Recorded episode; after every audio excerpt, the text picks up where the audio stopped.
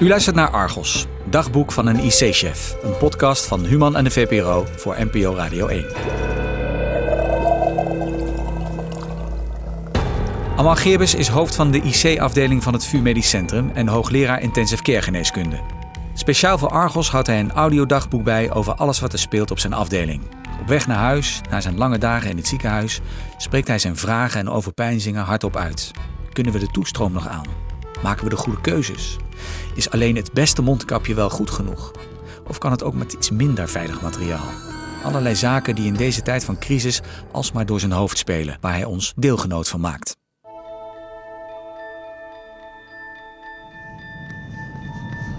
Zo, vandaag is het uh, 2 april en weer op weg naar het werk. Afgelopen dagen stonden in het uh, teken van uh, opleiden van 50 extra verpleegkundigen. Daar zitten echt toppers bij in een vak. Hoog gemotiveerd. Mensen zeggen ook van ja, we komen wat om bij te dragen. Ja, met het opleiden moet je ook realiseren dat we niet te grote groepen van mensen kunnen maken. Dat is natuurlijk in het kader van sommige aspecten van uh, het opleiden en informeren wel handig. Maar in het kader van de regels die er gemaakt zijn om de verspreiding van het virus zoveel mogelijk te voorkomen, onhandig. Dus daar moeten we steeds een goed compromis tussen vinden. Een van de dilemma's waar je dan zelf ook steeds mee zit, ik als hoofd van een afdeling. Dus van wat is nou het handigste om te doen? Is het nou zo dat je precies moet zeggen zoals het is, met alle gebreken? Is het zo dat je super optimistisch moet zijn? Van uh, ja, we kunnen het, we gaan het allemaal hier doorheen komen. Moet je toch realistisch zijn?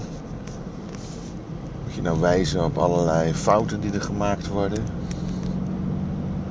moet je wijzen op uh, ja, waar je belangrijke, significante mate van incompetentie waarneemt. Moet je daar nou nadruk op leggen. Een van mijn vroegere leermeesters die zei altijd: Als iedereen nou gewoon doet waarvoor hij is ingehuurd, hebben we de meeste kans dat het wel goed komt. En uh, ja, ik zie ook mensen die tegen mij zeggen: Ja, ja, ja maar hij doet wat hij kan, hij doet wat hij kan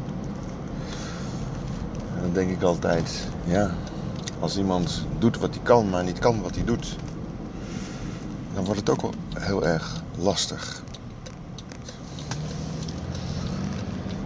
Dat gaat dan ook door me heen als ik dan even zo zap, s'avonds, nadat ik mijn e-mails beantwoord uh, heb, nou ja, enkele van die e-mails, nog even beneden ga zitten, even wat sap langs de zenders, zoals de televisie, en dan zie je dezelfde beelden van collega's die, ja, die zelfs hun intensive care laten zien.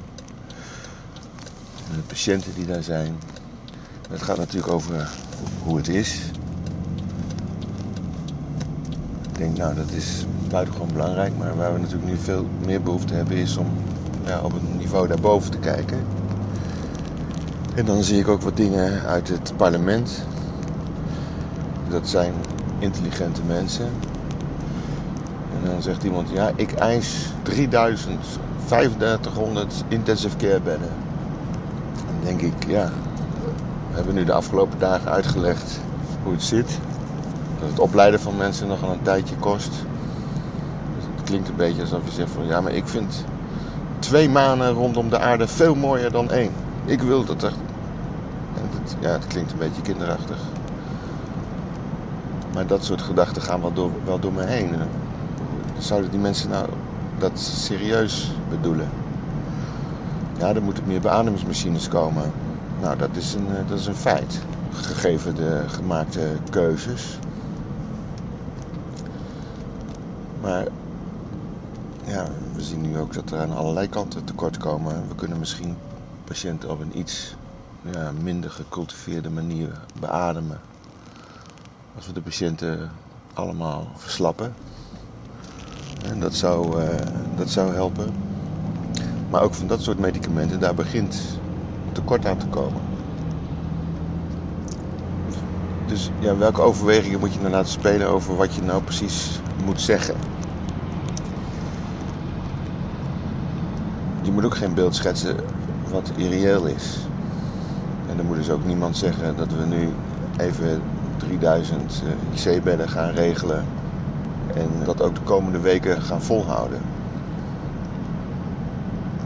En ik zie dat de afgelopen twee, drie weken geweldige inspanningen worden geleverd door heel veel mensen. En waar ik dan zeg maar typisch als hoofd van afdeling mee te maken heb, is dat mensen nu zeggen van ja, luister eens even, ik ga nu ook meer verantwoordelijkheden krijgen. Ik moet meer verantwoordelijkheden nemen.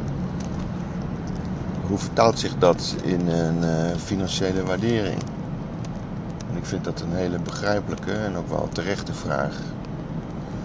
En het is natuurlijk zo dat van mensen nu opeens veel meer verantwoordelijkheid wordt gevraagd. En mensen willen ook erkenning daarbij hebben. De keuze die ik nu gemaakt heb is om te zeggen: luister, we gaan nu eerst een probleem oplossen. En daarna gaan we verder kijken. Want wat ik door schade en schande geleerd heb is: ja, mensen die iets vragen, iets extra's geeft, wat volstrekt terecht is, dan zijn er ook een heleboel anderen die je dat dan niet hebt gegeven. Ik denk bijvoorbeeld dat het ook veel van mensen vraagt om een andere verantwoordelijkheid te nemen. Die niet per se meer verantwoordelijkheid is, maar een andere verantwoordelijkheid. We vandaag gaan we jonge artsen opleiden. Nou, dat is een beetje een erg uh, zwaar woord voor zo'n korte cursus, zo'n korte stoomcursus. Die gaan wij bijscholen over verpleegkunde. Want we gaan die artsen gaan we inzetten als hulpverpleegkundigen. Ik vind het geweldig dat die mensen dat willen doen, deze collega's. Dat betekent niet dat ze meer verantwoordelijkheid nemen, maar wel een andere. Als ik nu eh, nog even terugkom op hoe je nou het beste je doel kan bereiken. Er zijn mensen die ongelooflijk positief zijn ook van aard. Mensen die heel positief praten, die worden ook aardiger gevonden.